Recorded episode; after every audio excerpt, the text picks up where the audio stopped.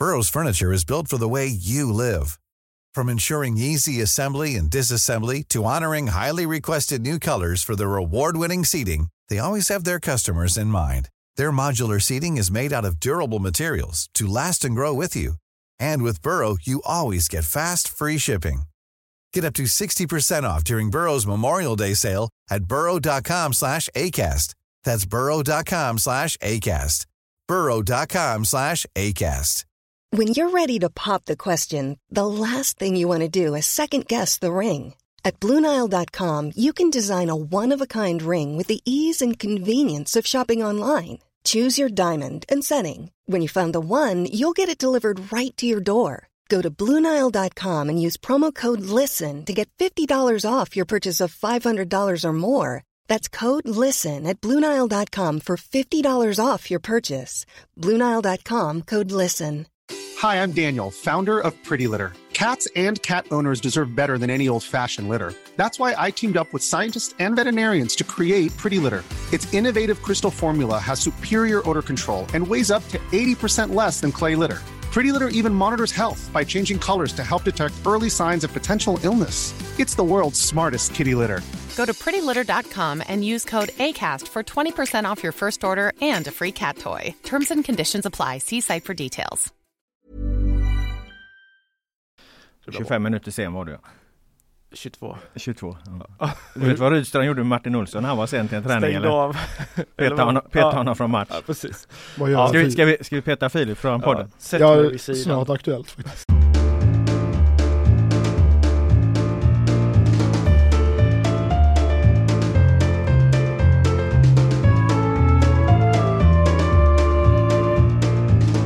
Hej välkomna till GPs fotbollspodd Laul med vänner som fokuserar på fotboll i allmänhet och fotbollen i väst i synnerhet. Idag har jag mina två fotbollsvänner med mig i studion, Filip Troler och Joel Besseling. Det börjar bli en god tradition och vi är redo att ta oss an följande. Sergio Peña, rätt eller fel att Malmö låter honom spela? Krisen i Blåvitt, är den en vecka från historiska proportioner? Vi kommer att ha fasta situationer fokus utifrån ÖIS stora problem med detta. Och hur står sig våra andra lag på det området? Vi har ett grönsvart segertåg att hantera med kärlek och respekt. Och jag kommer att hjälpa BK Häcken att rycka Peter Abrahamsson plåstret en gång för alla. Och vi har förstås som en avslutning vår kära Svennisgala. Det var den planerade delen. Har vi några spaningar, eh, Filip eller Joel? Nej. Nej, jag, jag har ju varit på semester här en knapp vecka. Så Jag såg att du-. Jag såg att du var på Blåvitt eh, i Stockholm. Nej, jag kunde inte låta bli. Jag Nej. kunde ändå inte låta bli att gå på När det bjuds till livefotboll och stormatch och mycket publik om man är i Stockholm då måste man dansa bort där och titta på den ändå. Jag kan inte släppa det helt. Man är ju besatt. Det var ändå en god, eh, god eh, radioövergång till eh, den spaning som faktiskt jag har. Eh, Den utspelar sig nämligen på eh, Tele2 Arena där du var då Filip, även om Mm. du inte jobbade. Ska se om du, om du uppmärksammade sak som, samma sak som jag. Påminner inte den här fotbollsmatchen om, om någon liksom st- strandfotboll på Copacabana? Lite grann faktiskt. Ja, alltså var- det yrde ju sand eh, konstant alltså eh, av, av, av, från den här nya konstgräsmattan som de har Mm. lagt då, eller hur? Ja, verkligen och jag noterade detta redan när jag såg eh, första matchen som, som jag såg efter att de hade bytt underlag, för det är ju ganska nyligen gjort, eh, var när Malmö och Djurgården möttes där i, i kvartsfinalen i kuppen tror jag, eller, eller vad det var. Eh, jag tänkte på det, gud alltså hur ser det ut? Det såg ut som att planen nästan var vatten fylld liksom att bollen stannade och då spelarna hade jätteproblem med att, att tajma och det såg jättekonstigt ut. Eh, och jag tyckte det såg lite så märkligt ut vid ganska många gånger. Eh, Blåvitt, eh, Djur- Djurgården nu också, spelare som tappar kontrollen på bollen och ja, det såg släpigt och konstigt ut måste jag säga. Ja, det blir ett onaturligt förhållningssätt för spelarna till bollen för den fastnar liksom och de, Mm. får, de får liksom inte upp den farten. Och det här är ju egentligen en jätteskillnad för hela grejen med Tele2 eh, förra åren då den har varit en skräckarena för många lag, till och med för Malmö FF gick ju lång tid och de aldrig lyckades vinna där. Det var ju att den var så otroligt snabb. Alltså Mm. eh, Djurgården och Hammarby fick ju upp en fruktansvärd fart så att när, när andra lag kom dit så, så var de ju inte i närheten av, av att hantera det. Nu har ju det här någonstans då jämnat ut sig lite grann. Nu är ju den här mer som en tung gräsplan. Det går långsammare. Djurgården får inte upp eh, samma hastighet i spelet. Jag tror att det här kommer, ja, det här gynnar andra lag och Mm. kommer påverka eh, Djurgården och Hammarby negativt. I alla fall initialt tills de då kanske lär sig egenskaperna med den här eh, eh, planen då. Men förhoppningsvis så gör det att, det, att, att Tele2 inte blir en sån liksom mardrömsskräckarena som är, är, är, är jättesvårspelad för alla andra. Nej, det är väl också rätt många som var kritiska mot underlaget som låg där tidigare. Alltså inte bara att det var jobbigt att komma dit utan att man inte gillade underlaget heller. Men sen vet jag inte hur det är med den här typen av konstgräsmatta, om den på något sätt kommer förändras, att det kommer bli mindre sandigt med tiden eller vad som händer. Men, men jag tror som du, jag tror det är en eh, nackdel för Djurgården och Hammarby eh, det här skiftet och en klar fördel för, för övriga.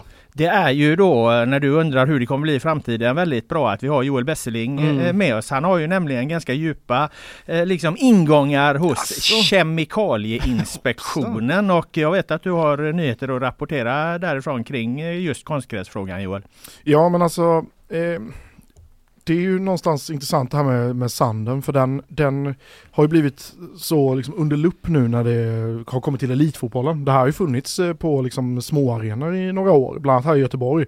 Och de har ju varit jättekritiska till eh, sand och eh, korkkonstgräs. Liksom. Istället för granulatet och Exakt. gummigranulatet. Det finns ju en anledning till att eh, liksom nästan alla arenor använder det minst miljövänliga eh, alternativet och det är ju för att det är sportsligt bäst. Liksom. Gummigranulatet. då. Exakt, eh, men det kommer ju förbjudas här alldeles snart. Eh, försäljningen av gummigranulat. Vi var ju på det redan i början på mars eh, Robban, när det var Mm. ett möte i Bryssel på EU-nivå om att liksom för, ja, förbjuda försäljning inom eh, sex år då. Eh, Om sex år ska det liksom vara förbjudet. Och det gör ju att eh, de här eh, gummigranulatmattorna kommer att bytas ut. Och Ja, nu de det, fasas ut här nu. Exakt. Och nu är det ett nytt möte här i, i Bryssel onsdag, torsdag den här veckan då. Där det, vad jag förstår, ska upp en omröstning. Mm. Och det kommer ju bli ett förbud. Just det. Vad säger då dina källor hos Kemikalieinspektionen? Kommer det bli liksom en övergångsperiod på sex år, åtta år eller tio år? För fotbollen vill ju ha så lång tid som möjligt, det vill säga kanske tio år då. Eh, medans, medans eh, andra krafter då kanske vill ha ett kortare övergångstid. Ja precis, Karl-Erik Nilsson han är ju med skriva ett öppet brev där eh, till regeringen innan han eh, slutade som förbundsordförande. Och de vill ha 10 år, eller till och med 12 år, 10-12 år vill de ha eh, för att det tar så lång tid liksom att, ehm, att eh, det, det, det är ju för att marknaden ska få chansen att hitta ett lämpligt, eh, en, en lämplig ersättare liksom. För det Och- finns ju uppenbarligen inte idag. Nej, sand är inte en lämplig Nej, ersättning och inte då. kork heller. Eh, På eh, Borås Arena hade de kork för några år sedan, men det fick de ju ta bort efter ett halvår trots att det var planerat att det skulle ligga där i tre år. För att det funkar liksom inte. Mm. Det, blir, det blir hårt på vintern och kallt och spelarna får kork i ögonen och, och sådär. Så att ehm, det kommer väl bli sex år, är det väl sagt. Så att det kommer bli tufft för Så fotbollen förlorar den striden Ja. kring antal år där då? Vinnaren blir väl eh, den konstgräsaktör som hittar det här perfekta underlaget. Mm. För de kommer ju sälja som smör. Och miljön kanske. Ja, absolut. Det är klart. Det är ju miljöskäl som det här Mm. eh, eh, tas bort. Då. Det här är din stora chans Filip. Hittar du ett eh, konstgräsmaterial eh, som flyger så behöver du inte sitta här och prata i en podd utan då kan Nej. du pilla dig i naveln Ja, resten av livet. Ja exakt, då kan jag komma till mina möten och poddar när fan, fan jag du vill. vill, ja ja. precis, det är inga, inga problem. Jag ska börja skissa på detta omedelbart. I övrigt är jag otroligt imponerad över att du har ingångar där du har dina ingångar. Ja, är precis. är, man ska välja sina ingångar. Ska man vinna slaget om Borås då får man se till att ha källor både lite här och var. Det stora samtalsämnet kring allsvenskan eh, mm, den här veckan är ju tveklöst Malmö FFs beslut att låta Sergio Pena vara tillgänglig för spel. De mötte ju Norrköping i måndags kväll. Ehm, att klubben lät honom eh, vara uttagningsbar och tränaren Henrik Rydström då lät honom starta matchen. Och då undrar jag ju, frågan till er är, var det rätt eller fel att Peña startade mot IFK Norrköping veckan efter han kört rattfull med 1,3 promille i blodet? Eh, jag har inte hunnit klura så mycket på det men min eh, känsla så här spontant är bara att jag tycker att det var fel. Mm. Joel? Ja, jag tycker också nog, eh, landade nog i till slut att det var fel. Mm. Man kunde hantera det på ett annat sätt. Utan att liksom hindra honom från att göra sitt arbete så hade man kunnat göra det smidigare tror jag. Mm. Eh, då anmäler jag en avvikande inställning då och ska redogöra för den. Eh, eh, så får, får ni komma med synpunkter på, på min motivering varför jag inte då har så starka synpunkter på Malmö FFs eh, agerande. Och det kanske kommer provocera någon då, men eh, jag, jag ser det så här att efter att fördöma den här handlingen, för det är ju naturligtvis helt förkastligt att eh, köra grovt rattfull. Eh, ett sådant brott eh, måste tas på allvar av våra, vårt rättsväsende, precis som när det kommer till exempelvis ordningsstörningar på läktaren och all annan brottslighet, stor som liten. Men efter det, efter vi har fördömt den här handlingen, då tycker jag att det viktigaste i den här frågan är att Malmö FF tar sitt ansvar som arbetsgivare. Det är num nummer två på eh, listan då. Och Peña han kommer ju straffas av samhället om han befinner sig, befinns skyldig till det här brottet. Han har klivit ut inför folkdomstolen och erkänt skuld och straffats den vägen. Och han har ju även straffats med disciplinära åtgärder av klubben, även om vi inte riktigt vet vad de då innebär. Vi vet ju heller inte vad som kommer hända om han faktiskt döms i domstol. Det är mycket möjligt att Malmö FF agerar på ett nytt sätt då. Men just nu är han ju ostraffad eh, rent principiellt. Och om inte arbetsgivare, lagkamrater och tränare backar spelaren i det läget utan behandlar honom som en spetälsk. Vem ska då göra det? Vill vi ha ett sådant samhälle där alla vänder sig mot den som har gjort fel trots att han då har erkänt sin skuld och bedyrat att han ska förändra sitt beteende? Han kommer ju straffas av samhället. Malmö FF, de duckar ingenting, de svarar på frågorna, motiverar sina beslut, väljer själva att acceptera smällen det här innebär för varumärket. Det blir ju Malmös pris att betala. Och utifrån det resonemanget har jag inga synpunkter på hur Malmö agerar som arbetsgivare och klubb och hur Henrik Rydström agerar som tränare. Till sist, för mig är det avgörande att man kliver fram med namn och erkänner skuld och accepterar sitt straff man får av samhället. Då ska man kunna fortsätta utöva sitt yrke. Det hade varit en annan sak om det gällde en landslagsspelare som är ett heders och förtroendeuppdrag. Det var mina fem cent. Synpunkter? Ja, det är klart att du eh, har poänger i det.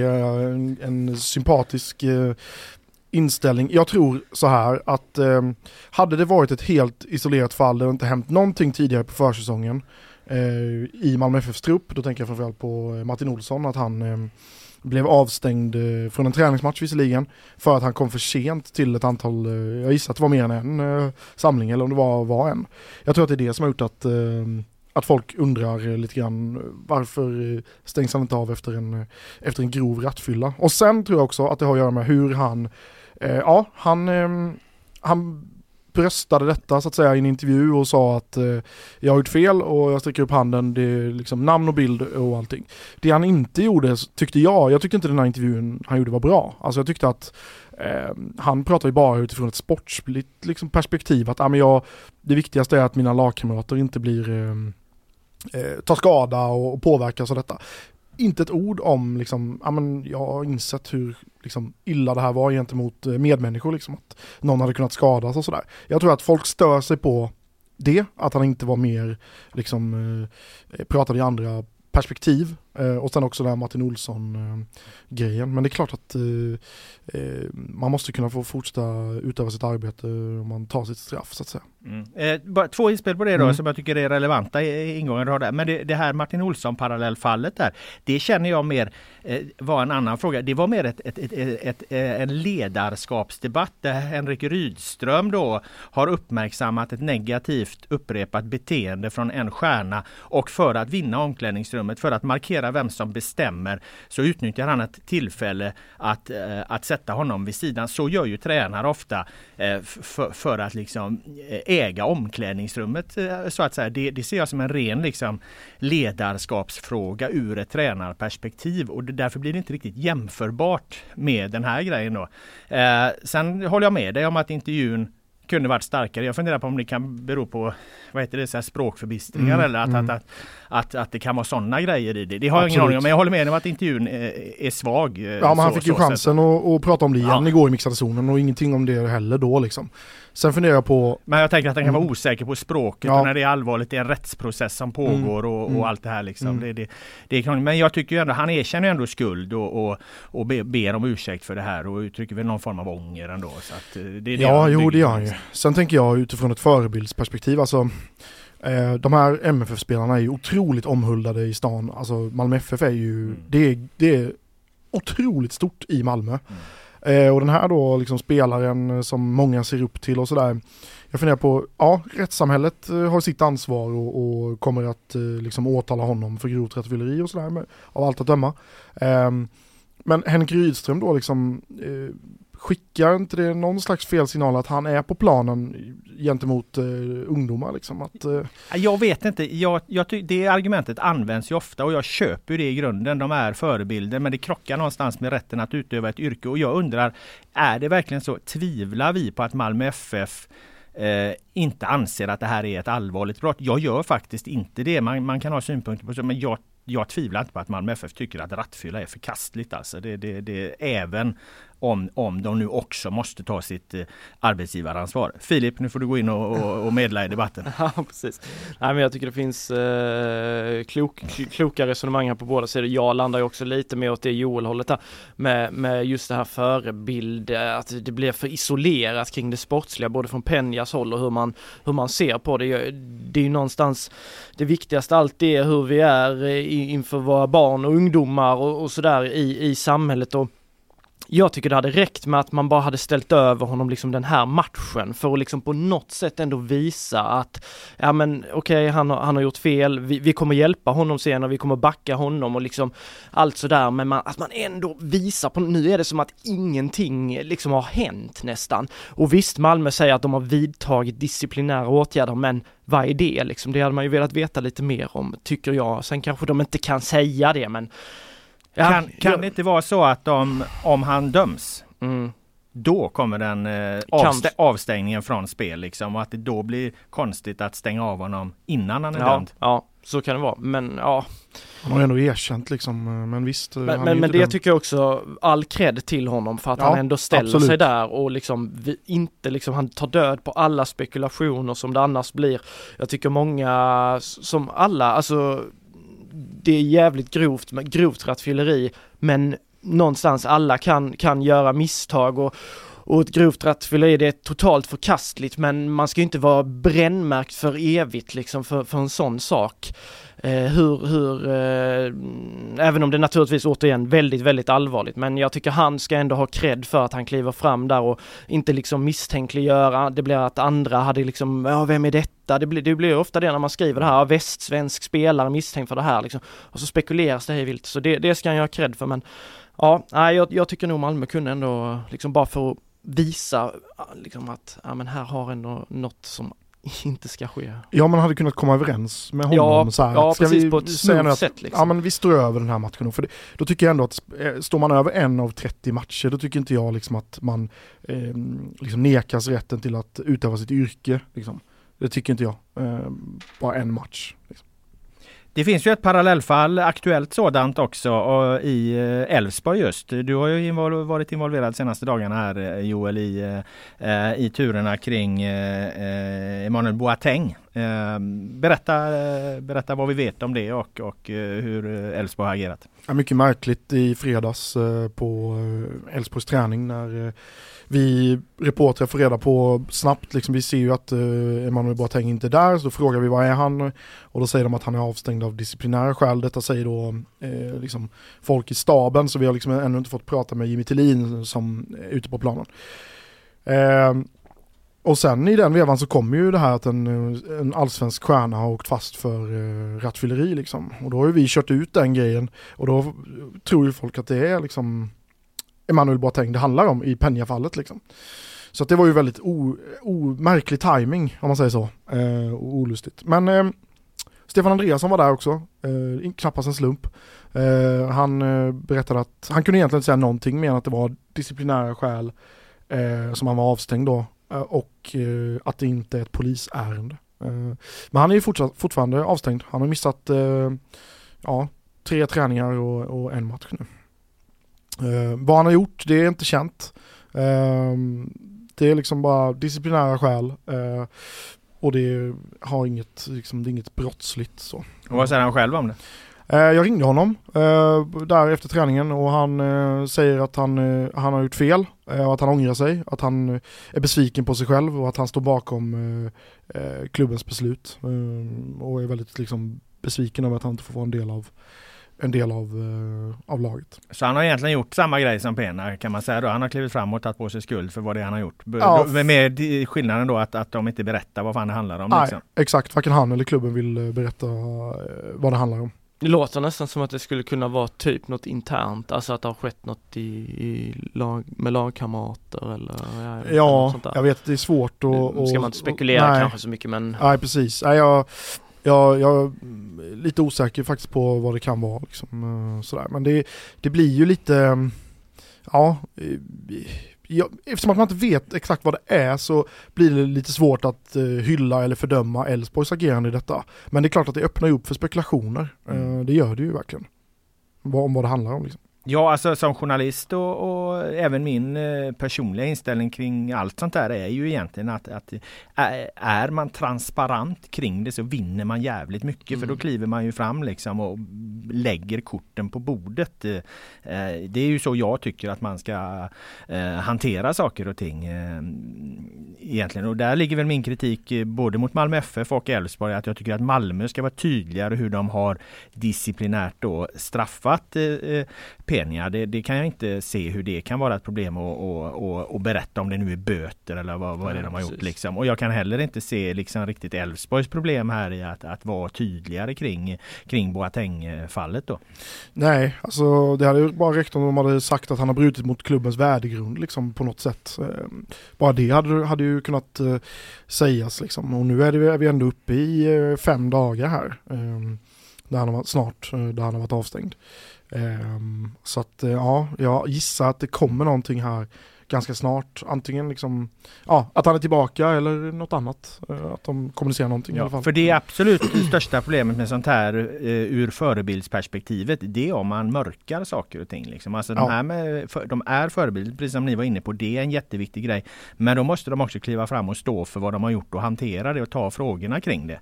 Eh, det, det, tycker jag är en jävligt viktig grej kring, kring förebild. Sen det här att alla måste straffas i 18 olika instanser till varje pris. Mm. Liksom. Det, det, det, är för mig inte lika viktigt. Liksom. Utan man ska ut och stå för vad man har gjort. Eh, brösta det eller vad mm. kallar du det? Mm. Och, och, och, och sen lova bot och bättring. Och också vidta åtgärder för att förändra sitt mm. beteende. Det, det, är ju grundläggande så att vi får en positiv effekt av det hela.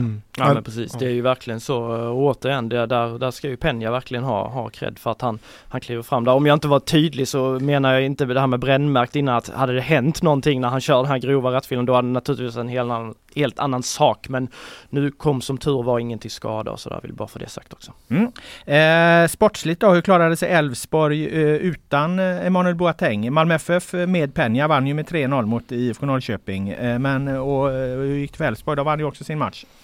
Ja, de vann med 2-1 eh, och eh, saknade väl inte honom eh, nämnvärt skulle jag säga. Jag tyckte inte att eh, ersättaren Noah Söderberg gjorde en eh, liksom, kalasmatch. Det var en, liksom en 2-4 insats, liksom godkänd. Eh, och eh, i den typen av match eh, på naturgräs, visserligen väldigt bra naturgräs, så kommer inte Boateng eh, vanligtvis till riktigt sin rätt på samma sätt som han gör på, på konstgräset på eh, Borås Arena. Så att, det är klart att ja, de vann ju matchen. Och Johan Larsson, lagkaptenen, var inne på det efteråt också. Att, ja, du såg ju där ute hur, hur mycket det påverkade oss. Så att, han menar ingenting då eller? Nej, han sa att det var en icke-fråga. Okay. Vilket jag tyckte var märkligt lagkamrater är liksom avstängda av disciplinära skäl. Men han tyckte att frågan om hur det har påverkat laget var en icke-fråga. Mm. Men ja, 2-1 vann de med på Stora Valla. Mm.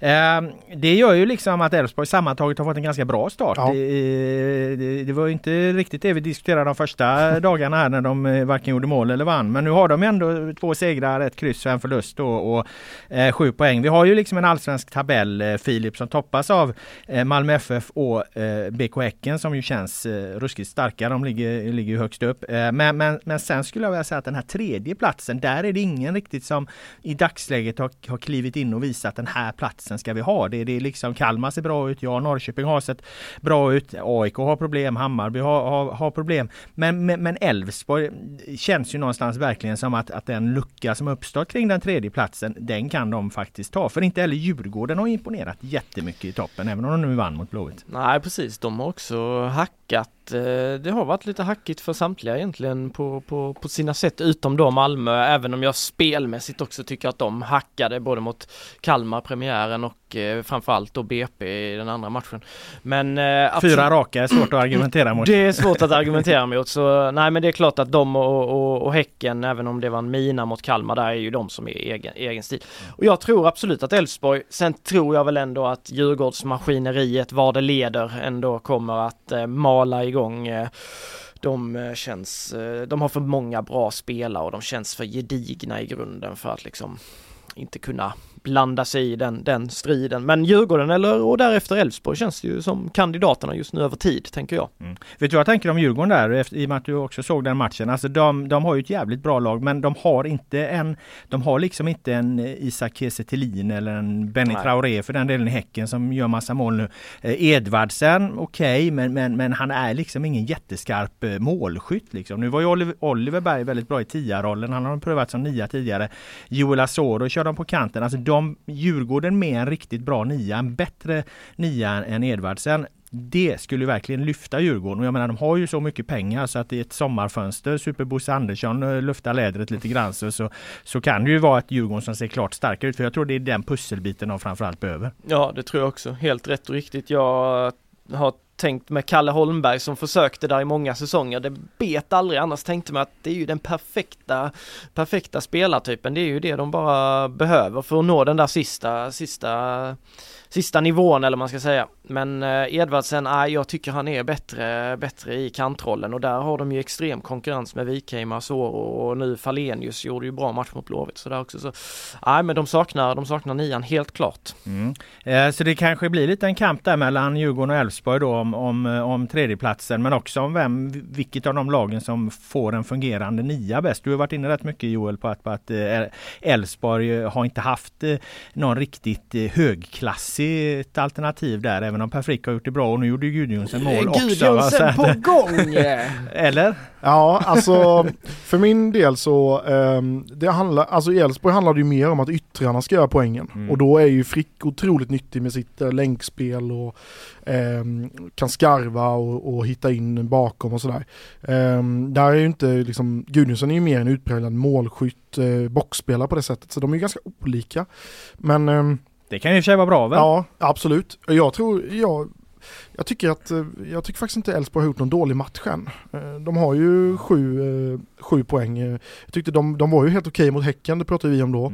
Mm. bra match mot Varberg och sen nu två segrar liksom sådär. Nu har de ju ett ganska, förutom Häckenmatchen så har de ett ganska snällt schema ju. de har haft liksom Degerfors, BP och så har de Mjällby, Sirius och Halmstad nu liksom. Det är ju, de har ju de har inte liksom ställt, förutom Häckenmatchen, så har de inte ställt på några vidare prov då. Så att jag tror så här, eh, när de möter Malmö och Djurgården, eh, båda hemmamatcher, eh, månadsskiftet maj-juni, det är då vi först kommer se eh, hur bra det här Elfsborgslaget är. Vi ska röra oss till andra sidan av eh, tabellen, den andra delen av tabellen. Eh, där har vi nämligen IFK Göteborg eh, som numera ligger ensamma sist. Det är Eh, Eh, de är det enda lag som har förlorat samtliga fyra matcher. Eh, nu väntar en vecka då, nästa vecka med en, en riktig ödesvecka ur detta. Alltså Norrköping hemma på måndag, Degerfors hemma på torsdag och sen Brommapojkarna borta på måndag. Jag vill hävda, och jag ska se om ni håller med, att den här veckan avgör om IFK Göteborg kommer vara ett bottenlag 2023. Eh, det vill säga om den här krisen de nu är, är inne i eller på väg in i kommer liksom få historiska proportioner där Blåvitt faktiskt riskerar att ramla ur allsvenskan. Visst, tar de sina poäng nu, 6, 7 eller 9, bra. Eh, men annars så tror jag det här kan utveckla sig till en, en, en riktig mardrömssäsong för Blåvitt. Vad tror ni? Instämmer. Det är verkligen nu det gäller. Eh, skulle du fråga en tränare i Blåvitt eh, om hur de ser på en sån här ödesvecka så hade svaret varit att ja, men vi tar varje match i taget och så vidare och så vidare. Men vi som är vid sidan av, vi kan ta det lite större perspektivet och tittar du på, på de här tre matcherna så ja, man ska inte säga att det är här det avgörs för det är inte sant men eh, här kommer det avgöras huruvida Blåvitt kommer ha någon chans att liksom hamna i mitten eller högre upp i tabellen eller om det blir en, en kamp i botten. Jag tror skulle det gå dåligt här, de får med sig en poäng eller noll poäng eller med tre poäng också. Då tror jag vi har en, en riktigt tuff Blåvitt säsong eh, att gå till mötes. Mm. Vad säger du Joel? Mm, nej, jag, jag håller med. Jag känns redan nu som att jag har räknat bort dem från en topp 10 placering egentligen. Eh, och det beror mest på att, ehm, att det är så stökigt liksom i, på ledande positioner och så. Men även att, för jag tycker ändå spelet eh, har ju inte sett det är ju inte, det är inget nollpoängsspel Nej, de har gjort. Liksom. Det är väl det då som skulle kunna tala för att det kan hända saker, men jag tror som Filip säger, alltså, eh, det behövs mer än tre poäng de här tre matcherna. Det behövs fyra, fem, gärna sex, sju poäng liksom. Eh, om det ens är möjligt att få sju poäng på tre matcher. Mm. Men eh, jo, det är det ju. Ja.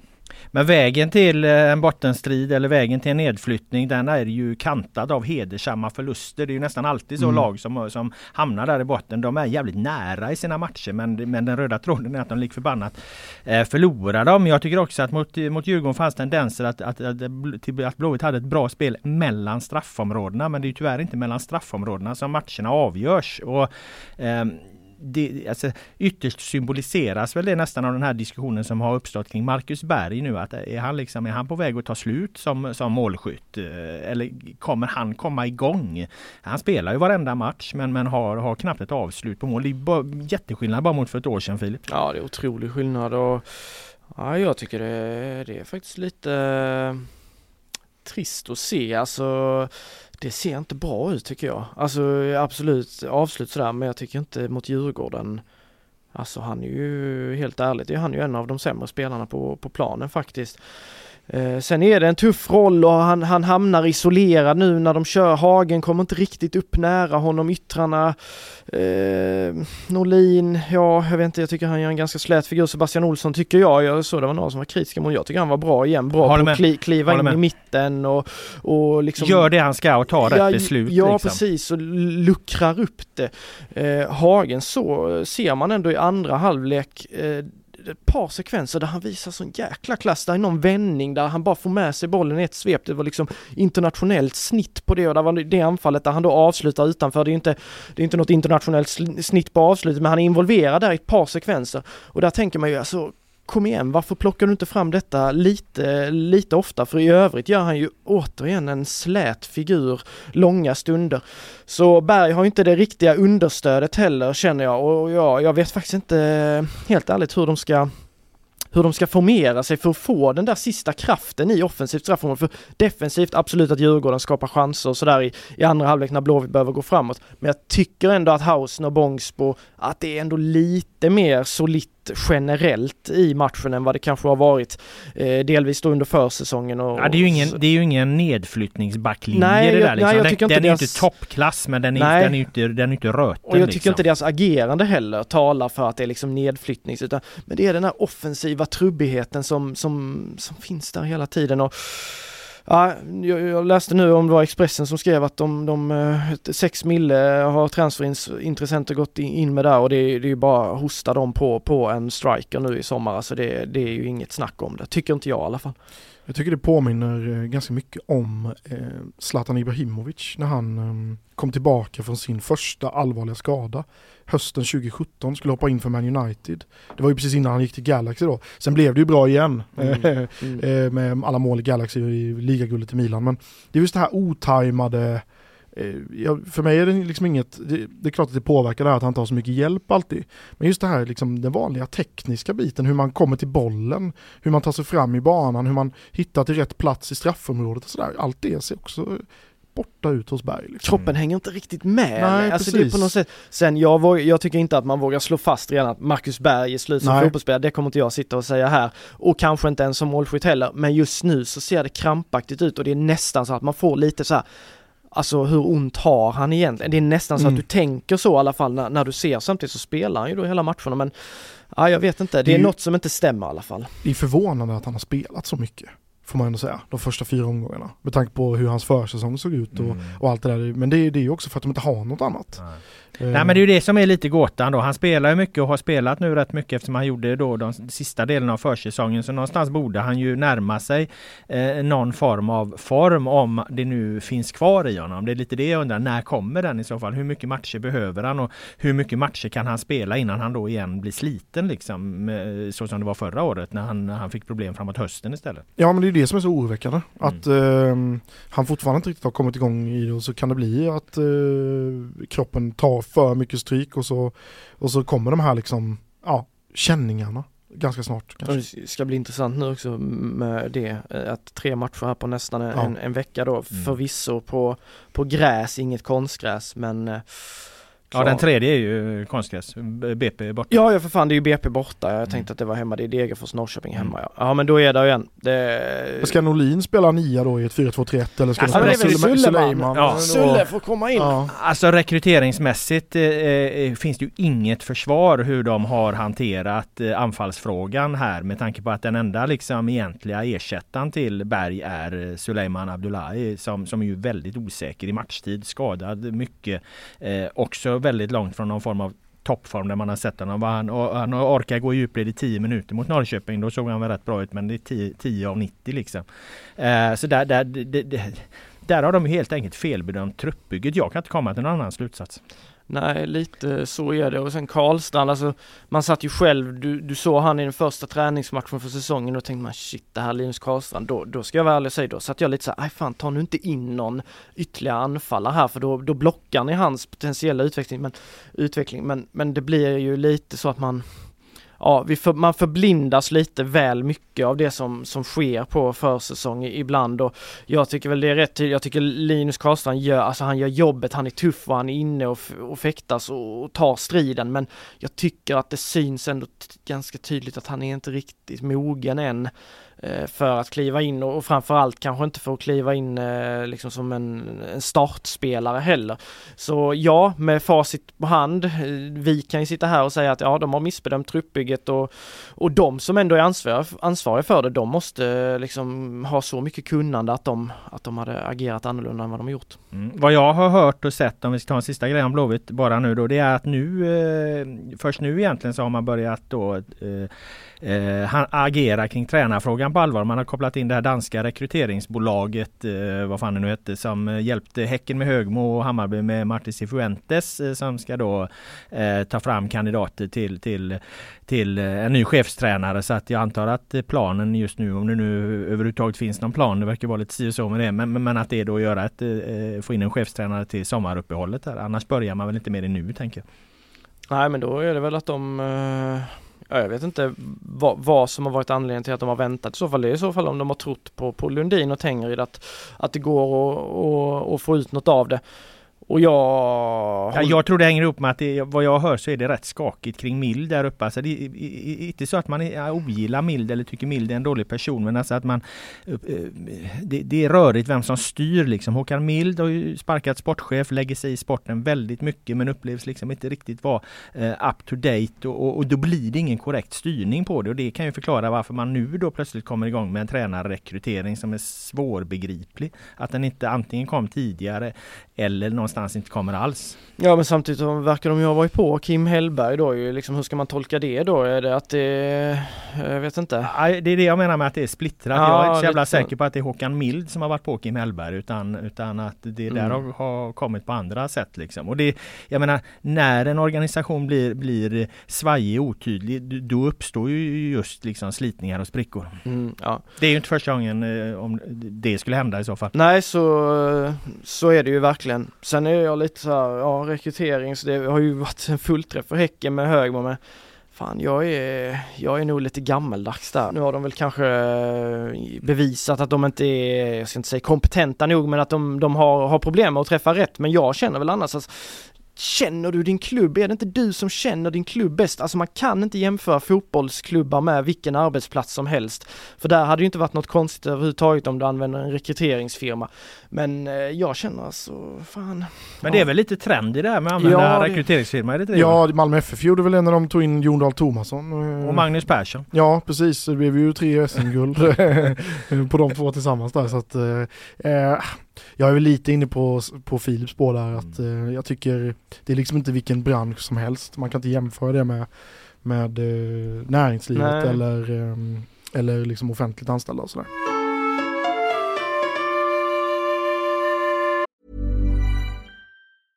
I'm Sandra, and I'm just the professional your small business was looking for. But you didn't hire me because you didn't use LinkedIn jobs. LinkedIn has professionals you can't find anywhere else, including those who aren't actively looking for a new job but might be open to the perfect role, like me. In a given month, over 70% of LinkedIn users don't visit other leading job sites. So if you're not looking on LinkedIn, you'll miss out on great candidates like Sandra. Start hiring professionals like a professional. Post your free job on linkedin.com/people today. Burrow's furniture is built for the way you live. From ensuring easy assembly and disassembly to honoring highly requested new colors for their award-winning seating, they always have their customers in mind. Their modular seating is made out of durable materials to last and grow with you. And with Burrow, you always get fast, free shipping. Get up to 60% off during Burrow's Memorial Day sale at burrow.com slash ACAST. That's burrow.com slash ACAST. burrow.com slash ACAST. Everyone knows therapy is great for solving problems, but getting therapy has its own problems too, like finding the right therapist, fitting into their schedule, and of course, the cost. Well, BetterHelp can solve those problems. It's totally online and built around your schedule. It's surprisingly affordable too. Connect with a credentialed therapist by phone, video, or online chat, all from the comfort of your home. Visit betterhelp.com to learn more and save 10% on your first month. That's BetterHelp, H E L P. Vi ska byta serie till eh, Superettan för där händer det ju också en hel del grejer Filip. Och eh, Ja, vi förstår ju att Gaisarna vill gotta sig i det grönsvarta segertåget. Vi ska strax eh, gå in på det mer ingående. Men vi måste ju, vi måste ju börja med ÖIS. Må, eh, segerlösa fortfarande efter fyra matcher. Men framförallt då Filip, varför jag vänder mig eh, till dig. Din otroliga spaning från förra veckans po- podd som jag var så här, eh, nu måttar jag med fingret, väldigt nära att klippa bort. När du liksom, när vi redan har suttit här i, i fan en och en halv timme nästan så, så, så ville du kasta in en, en spaning om eh, ÖIS svaghet på fasta situationer. Men det var en jävla tur att jag inte klippte bort det, för vad hände i den här omgången? Naturligtvis, du vet jag att jag har kristallkulan. Jajamän. Och den spaningen fick vara kvar, vill Ja, jag då ju- poängtera. Det var ju väl det. Nej men det som händer är ju att de efter att ha släppt två fasta på, på, på tre matcher så släpper de två fasta till.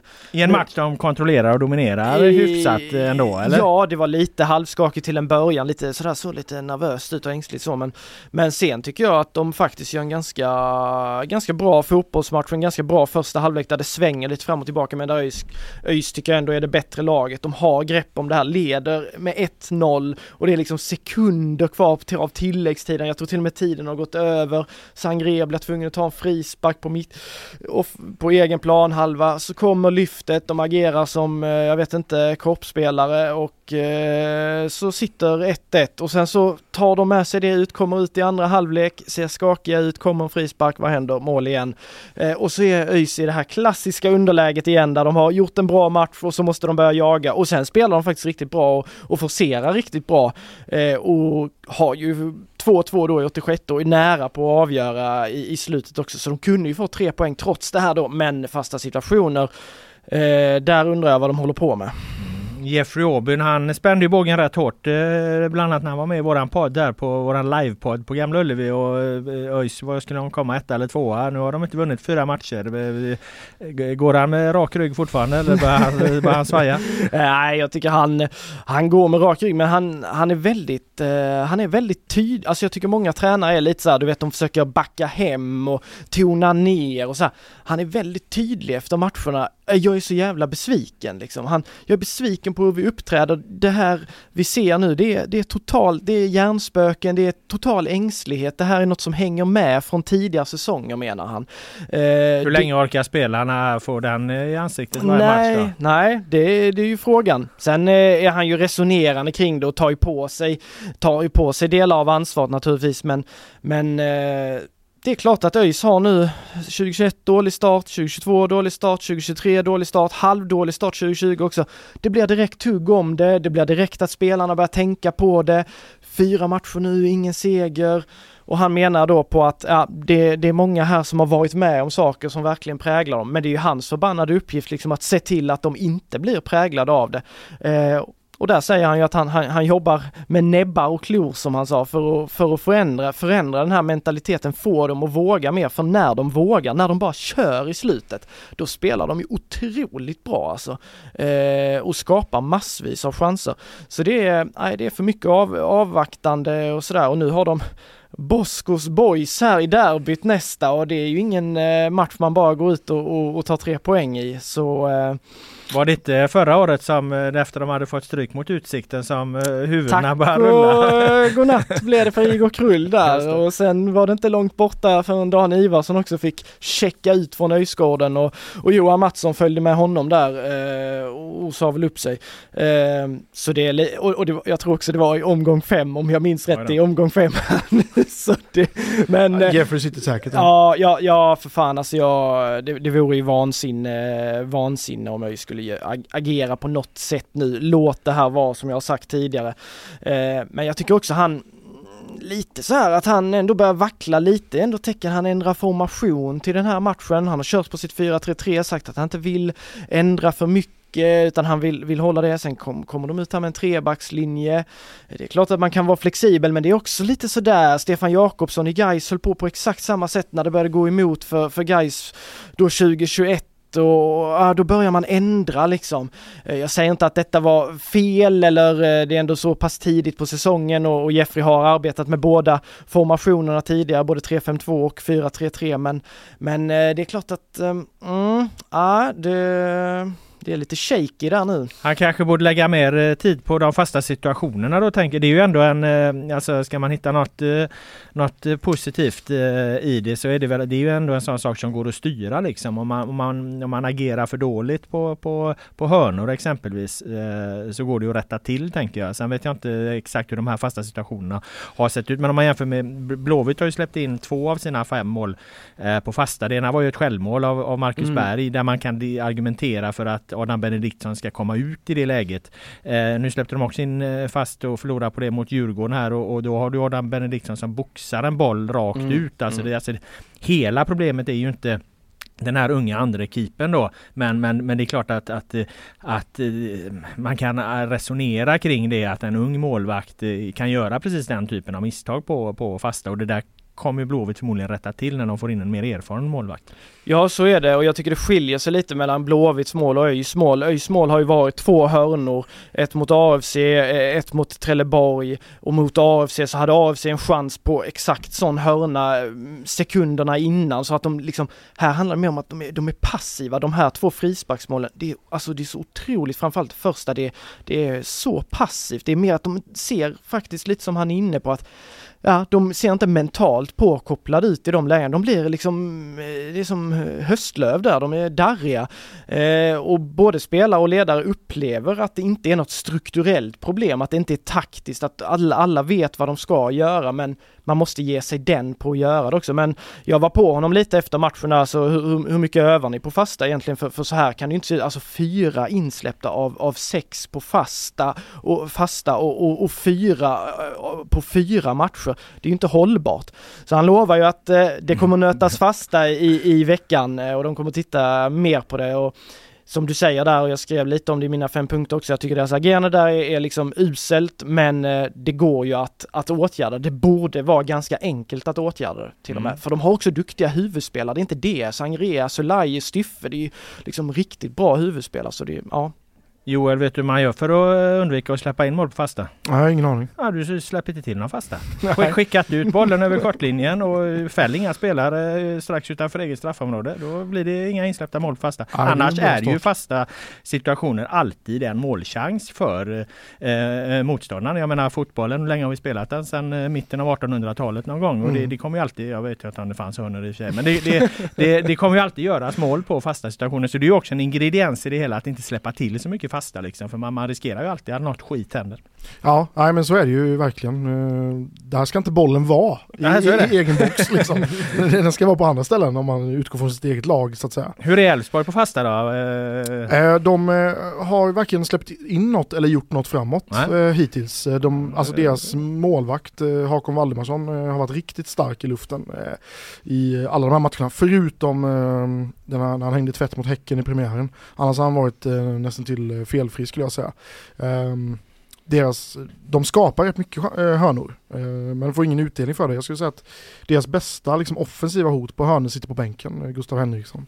Han startade de två första matcherna som mittback. Men nu är han bänkad. Han är ju riktigt vass på, eh, på huvudet på, på offensiva fasta. Han var nära att göra ett mål mot Varberg där, nickade precis utanför. Mm. Om vi ska gå vidare med våran eh, betraktelse över eh, andra eh, eh, lag i väst och deras kvalitet på fasta så kan man ju säga att Häcken, eh, så länge Johan Hammar och Even Hovland är på planen så är de ju bra på fasta offensivt och bra på fasta eh, defensivt med, med tanke på deras längd och styrka i, i luften. Då. IFK Göteborg nämnde jag, eh, släppt in en del, inte gjort något, framförallt inte sedan man, de skeppade iväg Kalle Johansson till, till Danmark. Han var ju otroligt bra på fasta. Blåvitt hade väl en bra eh, så här målvaktstränare som är jävligt vass på, på olika fasta situationer. eh, Knep också som, som inte heller är kvar i, i, i föreningen. Ja, eller var det han eh, Patrik Persson? Just det, just det, han Jag var tror nog till och med- Jag tror var inte han var mål- målvaktstränare va? Men eh, ja, han var ju, beskrevs ju lite som ett geni Ja. liksom.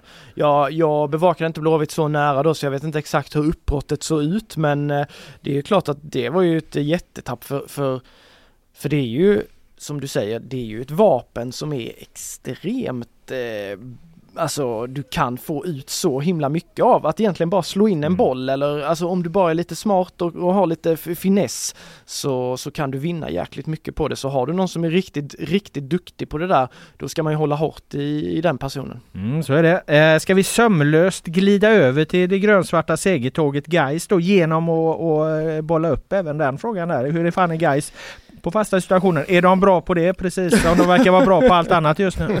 Ja, jag, jag försöker tänka här nu hur deras mål har gått till. Jag är lite blank i huvudet men, men det man mer fastnar eh, på guys det är ju att de gör så extremt mycket omställningsmål, att det kommer så mycket mål eh, i fart. Men de har ju släppt in ett mål på fast av två insläppta hittills. De har släppt in ett mot Utsikten och släppt in ett mot Östersund och det mot Östersund var ju en kanonfrispark från 30 meter som Ergim Krasniqi inte kunde göra något åt. Så det är inte så att jag ser något negativt mönster där utan jag tycker guys har varit ganska Eh, ganska gedigna där, inte släppt till sådär värst mycket, eh, i alla fall inte om, om, om mitt minne eh, står rätt till. Eh, Eh, framåt kan jag inte heller så här minnas att de har gjort, eh, hotat jättemycket. Filip Bäckman är väldigt bra på huvudet, han har haft många, många chanser. Det är väl bara en tidsfråga innan han skallar in en boll så, så det är väl betydligt mycket mer plus än minus när det gäller guys och, och fasta situationer. Precis som det mesta annat när det gäller Ja. Gais. Ja precis, det är, man är nästan lite, ja jag vet inte, chockad. Du bara tar segrarna för givna nu. Det var länge sedan du gjorde runt Gais. Ja. Chockad kan ju inte vara med tanke på hur du snackar upp dem på Nej, nej, försäsongen. nej, nej, inte chockad så, men man är chockad över att det inte händer något, att det inte smäller. Det, ska ju, Ja. det, det gör det ju alltid med guys när man Mm. tänker att eh, här, här går det bra, nu flyger allting och så, så kommer det någonting från sidan och så lyckas de fucka upp det på ett eller annat sätt. Men... eh, Men det blir ju lite som med lag som är, går väldigt bra. De blir ju lite, man, man- alltså det finns ju mycket att säga om dem. Det är samma med Häcken ett tag här. Vad fan, de vinner hela jävla tiden. Ja, Vad ska man ja. säga om Nej, dem? nej, Liksom? nej, alltså, precis. lite så har ju o, obegripligt nog nu Gais hamnat i detta liksom fack. Ja, ja precis alltså. Jo, vi får eh, vara hårda och säga det och det tror jag fan varenda Gaisare skriver under på också. Så att man är, man är ändå förvånad över att, att Gais mår så här bra och, och att de har gjort det över, över lång, lång, lång tid nu. Sen ska vi ha med oss att 2021 så, så var de i snarlik position som de är i, i nu eh, när det gäller starten. Då var de också topp två.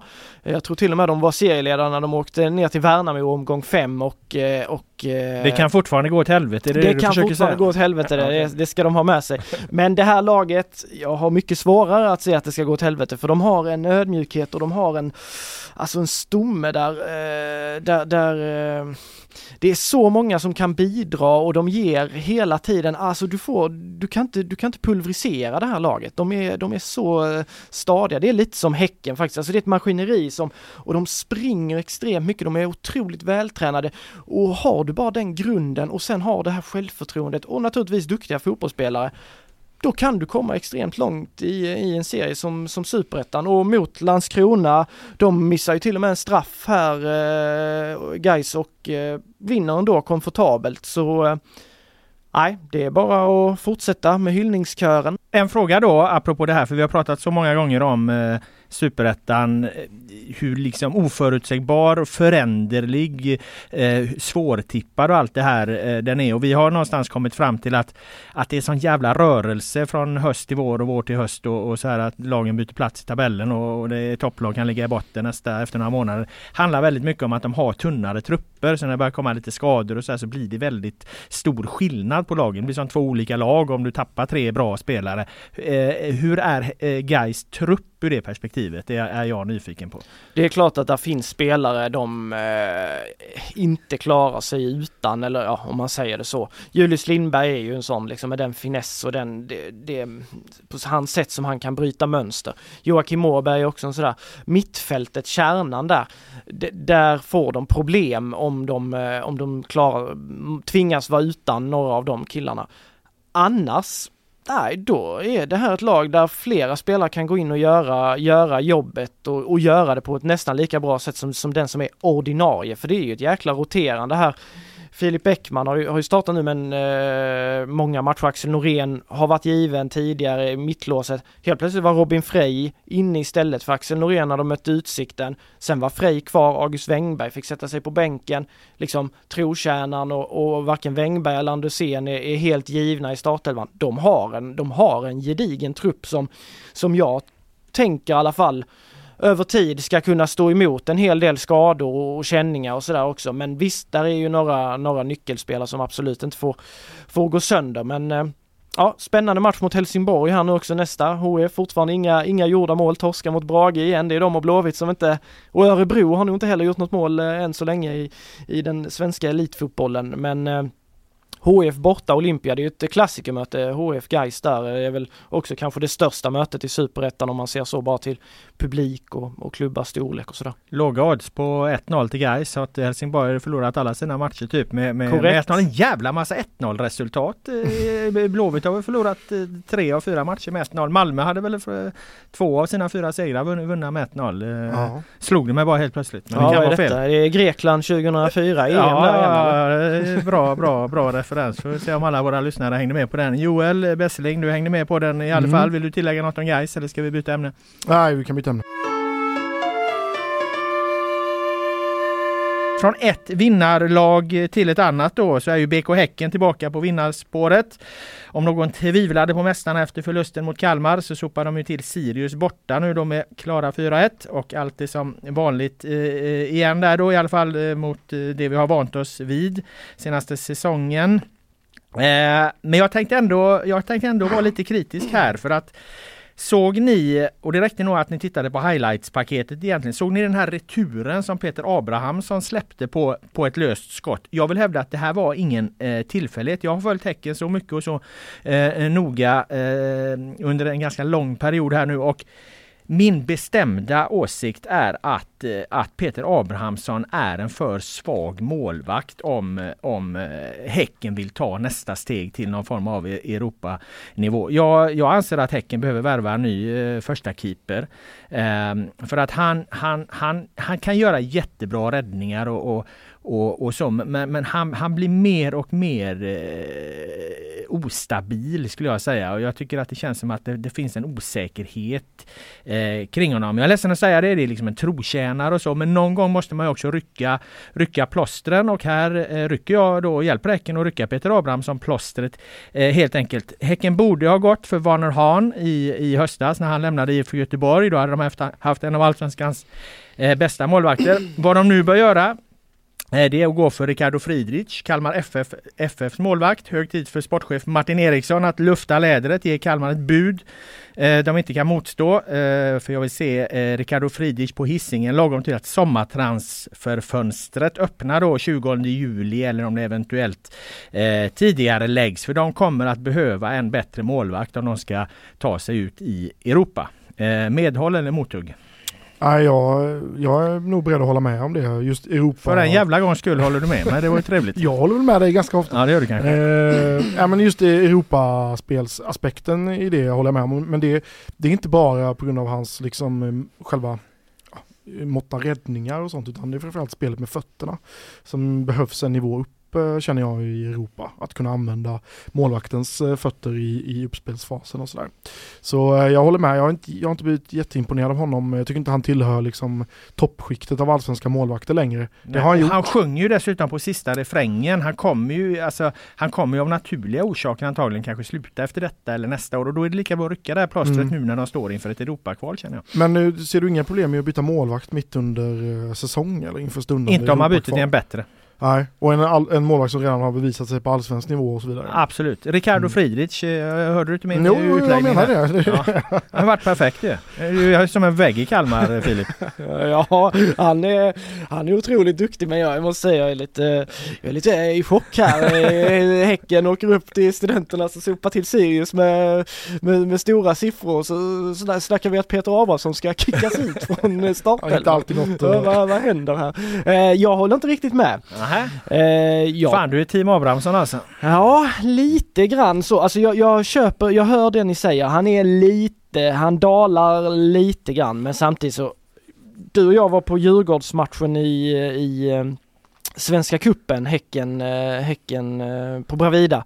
Eh, han gjorde ju en fenomenal insats då, kliver fram, alltså han gör ju de viktiga räddningarna och jag tror att risken att förlora genom att börja byta mitt i säsongen är större än den eventuella vinst man skulle kunna få in i att Friedrich exempelvis då är ytterligare lite bättre målvakt. Jag tycker fortfarande Peter Abrahamsson är eh, topp eh, fem målvakter i Allsvenskan. Fem, sex i alla fall. Ja, jag, jag tycker han gör för många eh, felbeslut helt enkelt. Sprider för mycket osäkerhet för, för att han ska vara det. Han har varit det en gång i tiden, det håller jag med om. Men den där Djurgårdsmatchen där, där, där kände jag eh, nästan en, en desperation i Per-Mattias Högmos uttalande som, som var inne på att nu håller Abrahamsson landslagsklass Jo, det var ju igen. För att han verkligen ville så här, nu måste vi försöka bygga den här Abrahamsson så att vi, vi får ut det sista av honom. Ah, Så nu, att, nu eh, är det det här att allting är helt genomtänkt. Absolut att Högmo är en strateg Ja. och sådär men, ja, men det fan, han citatet gjorde- kan du fan inte skrivit Nej, under på. nej, nej, det gör jag har- inte. Vem Jag, ska han peta i jag landslaget kommer där helt inte? Eller vilket jävla landslag? jag kommer inte ställa mig och ropa på att Peter Abrahamsson ska ska in i landslaget, det lovar jag dig.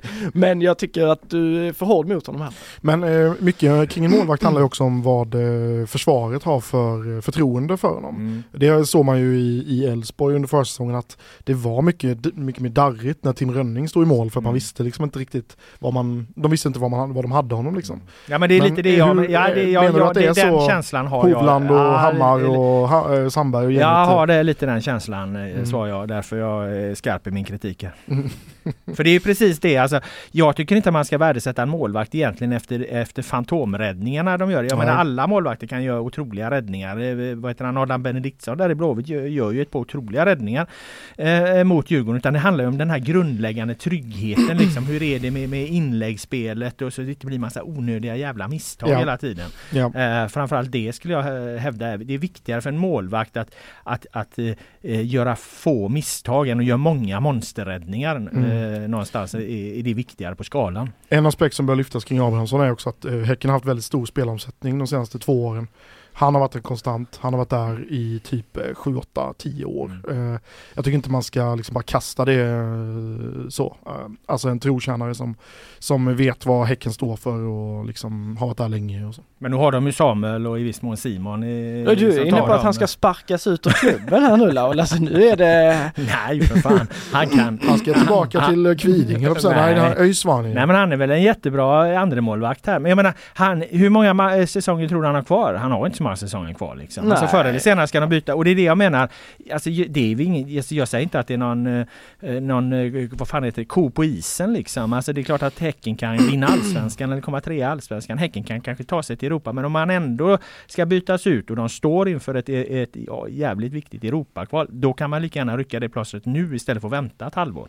Jo, alltså där, där har du väl en poäng, men samtidigt så börja röja runt på målvaktspositionen mitt i säsongen. Mm. Det brukar inte vara ett genidrag och jag håller inte med om att absolut det tog lång tid innan de höll nollan förra säsongen och sådär men i höstas så tyckte jag det var en tydlig progression i försvarsspelet, i det defensiva agerandet och där var Peter Abrahamsson allra högsta grad delaktig. Jag tycker snarare det sett väldigt tryggt ut med, med Abrahamsson, Hammar, Hovland och även då Lund, Valge, Fredrik. Alltså det har ju varit en fungerande enhet in och pilla där eh, i sommar och så ska man eh, veckan efter en ny målvakt kommer in, då ska vi hoppa in i Champions League. Ah, ah, nej, nej. Jag tycker Abrahamsson, han är på väg neråt men jag tycker fortfarande han håller så pass hög nivå. Gör det i så fall efter säsongen om man har sett fortsatta tendenser till att han har dalat. En bra debatt blev det i alla fall. Eh, det var vårt sista ämne. Vi ska avsluta som vi alltid gör med eh, Svennisskalan. Vad har varit bra? Mycket bra. Bessling tar fram telefonen. Eller mycket, mycket bra. Elevrådsordföranden har redan knappat på sin mobil här som du påpekar. Filip. Eh, så det är bara att köra Joel. Du Nej, jag kör inte först den här gången. Jaså? Ja, då får du börja Filip. Ah, shit, jag måste... Jag... Har du helt förberett Nej, nej, men jag måste komma ihåg vad det var jag hade tagit för några. Ja men jo, jag, jag har ja, tre. Vad har varit bra? Eh, bra eh, var, eh, där tycker jag eh, faktiskt att jag kastar in både ÖIS, Gais och Blåvitt supportrar för olika grejer här nu. Mm. Gais för eh, deras fyndighet i, jag vet inte om ni har noterat banderollen de hade i, i matchen mot Landskrona. Jo, jo, mot Håkan Mild ja. Mot Håkan Mild och där de använde snarlik formulering som Helsingborgs IF använde i, i deras... Mycket försiktiga avgå-banderollen ja, mot Granqvist. Ja. mot Granqvist. HF och Gais de är inte sådär jätteglada för varandra. Blåvitt och Gais vet vi alla om att de är inte sådär jätteglada för varandra. Här fick de in en dubbelpik mot sina lite rivaler sådär på ett jäkligt skönt och, och lite kul sätt. Eh. De gör en bra banderollsäsong Gaisarna. De hade ju Avgå Reinfeldt också alltså, samma dag som stark eh, start som här. Shit, hur ska mm. de kunna fortsätta? Nu har vi höga förväntningar här. Det är, ja, men en riktigt bra leverans faktiskt. Den var bra. Den var bra och jag har med ÖIS och Blåvitt supportrar här också. Mm. För ÖIS för ett eh, väldigt fint tifo. De är inte så många där på, på sin klack och jag, när jag la ut den här bilden, jag var ju på matchen igår och la ut en bild på, ja, men jag tyckte det var ett väldigt välgjort och genomfört tifo. Det var en hyllning till några legendarer där som var fem stycken, väldigt fint eh, utmålat sådär. Det blev mycket hån från motståndarsupportrar sådär, det här, ja de har tifo men de har ingen klack och så vidare och så vidare. Och vidare. Men de som har gjort det där tifot, de förtjänar eh, cred för det. Det var väldigt vackert eh, tycker jag och välgjort. och Blåvitt-supportrarna ska också ha lite cred faktiskt. För efter att de hade förlorat på Tele2 Eh, då skulle eh, den blåvita laget då gå ner och möta den här klacken som ändå dels att de är 12-1300 som åker upp där med tanke på den här usla starten, det är hatten av för det. Och sen också i bemötandet de ger spelarna, de vet om att det är en jävligt tuff eh, situation här. De hade som jag förstod det någon slags snack supportrar och spelare lite på Kamratgården inför den här matchen. Och när Blåvitt-spelarna går dit där så är det alltså inte en enda liksom vissling eller de här står och gormar utan det är bara push pushande. Och för i den jobbiga situation som IFK Göteborg befinner sig nu, i den pressade situation som IFK Göteborg befinner sig nu, jag tror det betyder otroligt mycket för både spelare och, och ledare och så här, att man känner den backningen. Så det var jäkligt eh, fint genomfört av, av Blåvitt-fansen där tycker jag. Mm, jag håller med dig och, eh, men jag tycker dock att det där ska vara en självklarhet. Alltså supporter, jo, supportar, men... det ligger liksom det här med liksom att bua och vissla ut och, och sänka sitt eget lag. Jag, jag, har aldrig riktigt förstått den delen av supporterskapet. Jag, jag har den största respekt för spontana reaktioner liksom. Man blir arg i, i stunden men, men liksom att, att, att, att på något slags eh, systematiskt sätt bua ut sitt eget lag. Jag, jag, jag har svårt att förstå Nej, det. Så jag håller med om att jag tycker det är bra att du lyfter det för det där är jävligt bra och jag tror det är viktigt. Ja, så, och vi har ju också en verklighet där det då ser annorlunda ut. Alltså AIK förlorar mot Värnamo, då är det, det är Gorman och skrikande. Hammarby hade något eh, tugg med sina, alltså det är så ofta det ser ut som det och därför blir det kanske en anledning att lyfta det och sen mm. kan jag köpa också att att man hade varit otroligt besviken och agerat på ett annorlunda sätt efter att ens lag har förlorat de fyra första omgångarna och inte gjort ett enda jävla mål. Då hade jag i alla fall haft förståelse för om man bara gick därifrån, liksom inte var intresserad av att, av att applådera. Även om man naturligtvis i grund och botten alltid ska stötta sitt lag så finns det stunder där man måste ha respekt för att supportrar blir besvikna. Det enda, enda gången jag tycker det är lite mer okej det är när eh, liksom, laget inte tackar klacken på bortaresa liksom. Alltså man bara går av planen utan mm. att ja, gå fram och så. Då, då kan jag förstå att man, eh, att man blir förbannad. Eh, men annars tycker jag också att det är dumt att gorma mot spelarna när de kommer fram och ska tacka. Vad har varit mycket bra då efter historiens längsta bra? Ja, för, förlåt. Nej, ingen fara. Eh, mycket bra. Eh, där, eh, vi har ju varit lite så här, vi har hyllat lite konkurrenter och lite andra medier och sådär. Jag vill göra en hyllning igen här, inte till Helsingborgs Dagblad, den kommer väl Joel med sen. Men att eh, Joel Segerdahl gjorde ett väldigt, väldigt fint eh, reportage med eh, Simon Tern som alldeles nyligen eh, i samband med att han de debuterade i Allsvenskan då för sin moderförening IFK Värnamo förlorade sin, eh, sin eh, farfar. Eh, och det var ja, väldigt gripande reportage. Eh, väldigt väl utfört och fint av Simon också som, ja det är ju en otroligt fin person tycker jag när man, när man ser honom så. Eh, så det lyfter jag som mycket bra. Bra och eh, mycket, mycket bra. Eh, det här blir jävligt internt och jag tror de flesta skiter fullständigt i det här. Men för mig som är journalist och jobbar på Gamla Ullevi otroligt ofta så måste jag skicka ett mycket, mycket bra till du vaktmästare. Jag vet inte om du lyssnar på det, men som igår efter ÖIS match kommer och säger när den ordinarie arenapersonalen är på där, är du klar snart? Det är dags att gå hem, vi måste ut med dig. Så kommer han säga jag stannar till halv tolv, sitt kvar så länge du vill där. Eh, det är ingen, ingen, ingen stress. Och han gjorde exakt samma sak när vi var där. Eh, Blåvitt, Blåvitt Malmö. Malmö. Ja, Vilken ja. jävla hjälte. Alltså du, du underlättar eh, min och övriga journalisters arbetsmiljö och situation på ett sätt som eh, ja det kanske låter överdrivet, men som är svårt att förstå faktiskt tror jag för många utifrån, för det är jäkligt pressat där efter matcherna, man ska hinna få ut allt och man ska få, få klart saker och ting och har man då någon som står och flåsar liksom att nu måste ni ut, måste ni ut, ja det blir jobbigt. Så ja, hjälteinsats, tusen tack! Fint eh, mm, mm. lyft där, olika grejer. Eh, du tar vi dig då Joel. Mm. Har du framme din eh, telefon här igen? Ja, så läser vi här. Ja, det är dåligt på att komma ihåg grejer. Filip verkar ha allt i huvudet. Um, bra ger jag till eh, Niklas Hult faktiskt eh, efter Degerfors-matchen här i lördags. Mm. Han var, eh, han gjorde sin klart bästa match eh, i år. Han har varit sådär skulle jag säga på, i säsongsupptakten här. Men nu var han mycket mer liksom eh, konkret. Han har liksom vänt upp tidigare när han har kommit mot kortlinjen i, i liksom offensivt så har han liksom vänt upp och spelat tillbaka den till, till mittback och sådär. Nu kom liksom inlägg på inlägg på inlägg, överlappning, kombinationsspel och sådär. Och jag fick ju också en assist till Sven Gudensens andra mål. Så eh, han var bra för Elfsborg. Det var ju på tiden för att han, ja. vet jag, du och jag tidigt ja. såg någon träning där och tänkte att eh, Hult kommer bli dominant i år och då kom Stefan Andreasson förbi och uh, dundrade om att det var han redan i höstas liksom. Men sen så har han ju varit allt annat än dominant. Men ja. nu börjar han då röra sig i rätt riktning och det var ju på tiden och som sagt. Precis. Så bra att du uppmärksammar det. Mycket mm. bra då. Eh, jag tycker att eh, Adam Kalén förtjänar lite beröm för hur han eh, står upp i den här motvinden som Blåvitt har.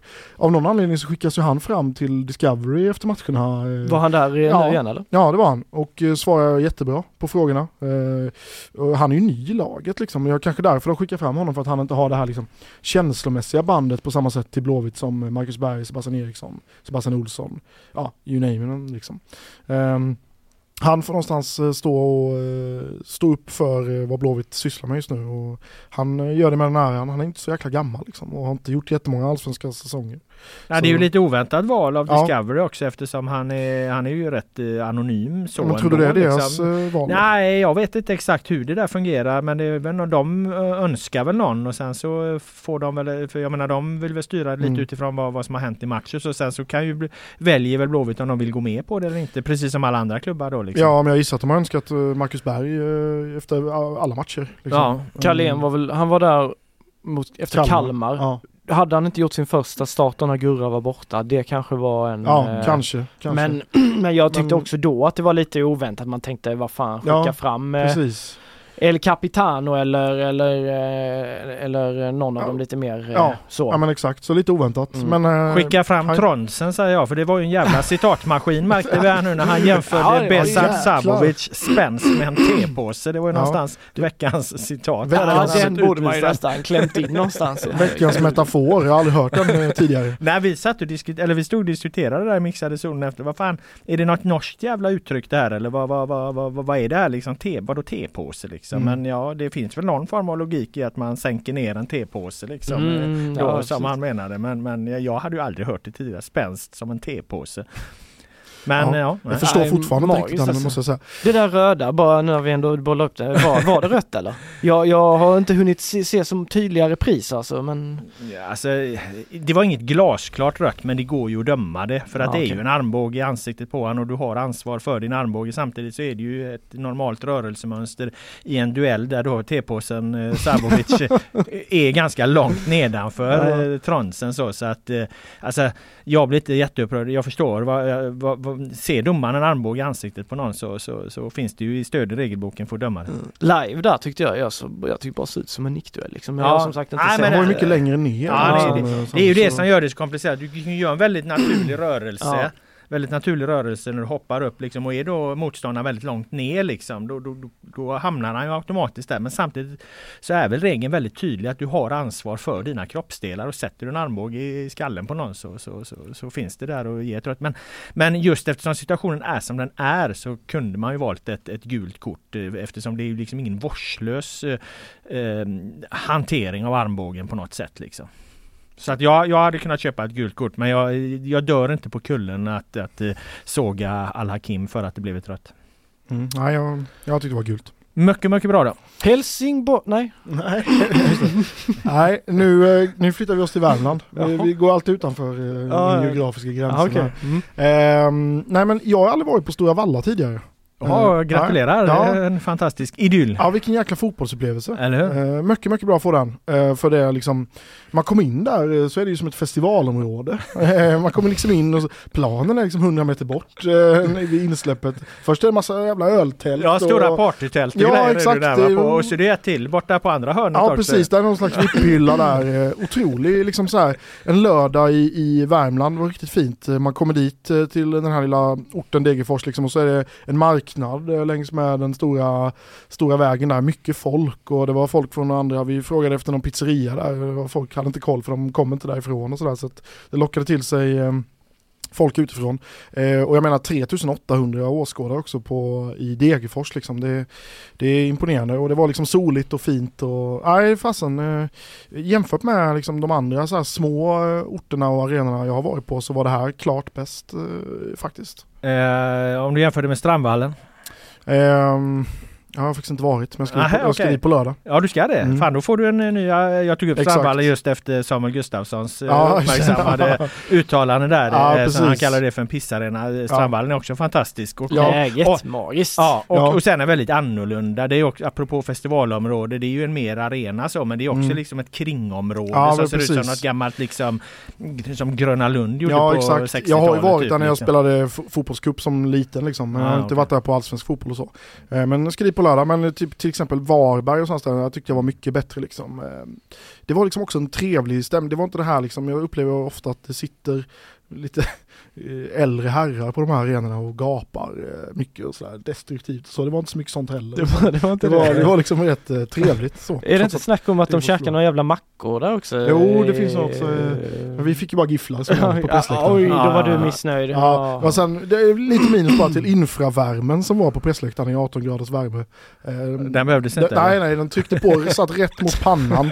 Så satt, det kändes som att man satt i liksom Medelhavet. eh, och- Fast hellre och- det och än de här där fan de många gånger har inte varit med om att man sitter och håller på att frysa ihjäl. Ja, på, jo, precis. Det är ju magiskt Ja, det här. i- Jag har heller aldrig varit I där. oktober hade jag älskat privat. den infravärmen. Eh, inte nu. Då skickar vi den hyllningen till Degerfors med en uppmaning om att stänga av infravärmen här nu framöver så vi inte Besseling behöver grillas eh, fler gånger. Eh, då är det jag då, Svennisgalan. Bra säger jag till Hammarby. Och då tänker jag inte på här utan dam. Fyra raka segrar, eh, 12 poäng. Eh, det är ändå Hammarby som ju har varit lite liksom sena i att få igång sin damverksamhet. Nu kommer de med full kraft med publik och annat och också eh, sportsliga resultat leder damallsvenskan. Och det är naturligtvis mycket bra för serien detta att den eh, lever och inte bara handlar om två lag som den gjort, gjort i många år, Rosengård och Häcken då. Eh, även om vi från den här delen av landet och på den här tidningen såklart är tacksamma över om det finns ett eh, topplag i stan. Och Häcken hänger med, tre raka eh, segrar efter premiärförlusten mot Djurgården. Men, men just det här liksom att, att, att det är många topplag, många lag som tar mycket poäng. Andra lagen än Rosengård och Häcken tror jag kommer vara givande för serien i höst här om det fortfarande är så jämnt och brett så att säga. Då kommer serien leva upp. Och sen mycket, mycket bra då. Jag är ledsen att behöva upprepa mig från förra veckan, men jag säger återigen Felicia Schröder, 16 år. Eh, var hon visst, eller om hon hann fylla det här nu. Jag tror hon sa att hon var 15 år förra gången, men hon är 16 år. Eh, målskytt i damallsvenskan igen när BK Häcken FF besegrade IFK Kalmar. Nu har jag alltså gjort två mål på två inhopp. Ett inhopp på typ tre minuter och det andra inhoppet nu då på 12 minuter. Helt otroligt. För den här talangen då kom ju från eh, eh IFK Björkö till BK Häcken men är uppvuxen på Hisingen innan hon flyttade ut till skärgården och hon beskriver då Häcken som laget i hennes hjärta och nu har jag alltså gjort två mål på, på två liksom eh, korta inhopp. Det är, ju, det är ju en jävla saga eh, rent ut sagt. Så hon får mycket, mycket bra från mig för andra veckan i rad. Härligt fan med, inte illa alltså. Härligt med lokala talanger. Ja det, det mm. låter som att vi har kanske en, en Robin Söder 2.0 eh, här nu när han, han kom fram där vad var det, 2008. Just det, då får vi hoppas att hon eh, inte skadar eh, korsbandet Nej, då så det... att den liknelsen stannar eh, vid det då. Söder trasar ju sönder sitt knä där. En U21-landskamp om ni kommer ihåg det. Jörgen Lennartsson bytte inte ut honom. Nej just det. Just Nej just precis. Det. Men eh, väldigt roligt också det här som du säger, serien. Jag såg IFK Norrköping dansar ju upp i toppen, också, nykomlingar. Alltså när fan har det hänt att eh, i damallsvenskan att det är sån kraft i... i Ett jäkla intresse där uppe också. Mm. Ja det har jag också noterat noterat att ja, men det är nu de det, är nu det händer. Jag, jag, undrar om inte när vi tittar tillbaka i historieböckerna så är det nu det händer liksom. Nu börjar den här serien komma där också liksom. Och sen så fyller du på med, med Blåvitt och Malmö och ÖIS och vilka de här lagen mm. nu som också mm. kommer underifrån som är lägre divisioner. Så att det, det börjar nog nu. Så ger det här eh, fem år så, så har vi nog en ganska het damallsvenska tror jag. Ja det behöver det. Konkurrensen behövs. Det, som du är inne på. Det funkar inte det här två klubbar som dansar. Inte i längden nej. Inte i längden kan vara något. Och jag minns 2010. Det var den tråkigaste jävla allsvenskan någonsin. För då drog Helsingborg och Malmö ja. FF ifrån jättetidigt. Det var säkert superkul för er från Skåne, Skåne ja. men, ja, men den var ju stendöd i resten av landet serien eh, där va. Mm. Så att eh, eh, det, det, och det kan man väl klara någon gång liksom. Sen så, så, så blev det inte så framöver då men, men eh, just 2010 var ju ett, ett, ett slag från början till slut mellan Helsingborg och Malmö på, på här sidan. Mm. Ja men precis. Eh, det var en liten historisk tillbakablick. Eh, vi ska stänga igen butiken för idag. Jag tackar er för era kloka inspel och synpunkter. Och jag tackar alla som har lyssnat. GPs fotbollspodd Loud med vänner är tillbaka i nästa vecka med ett nytt avsnitt. Ha det bra så länge.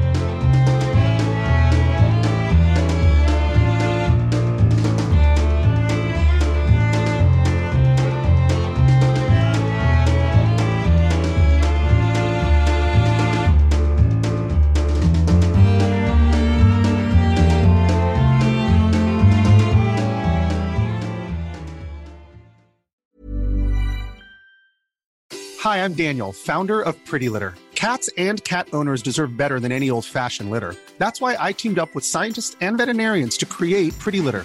Its innovative crystal formula has superior odor control and weighs up to 80% less than clay litter.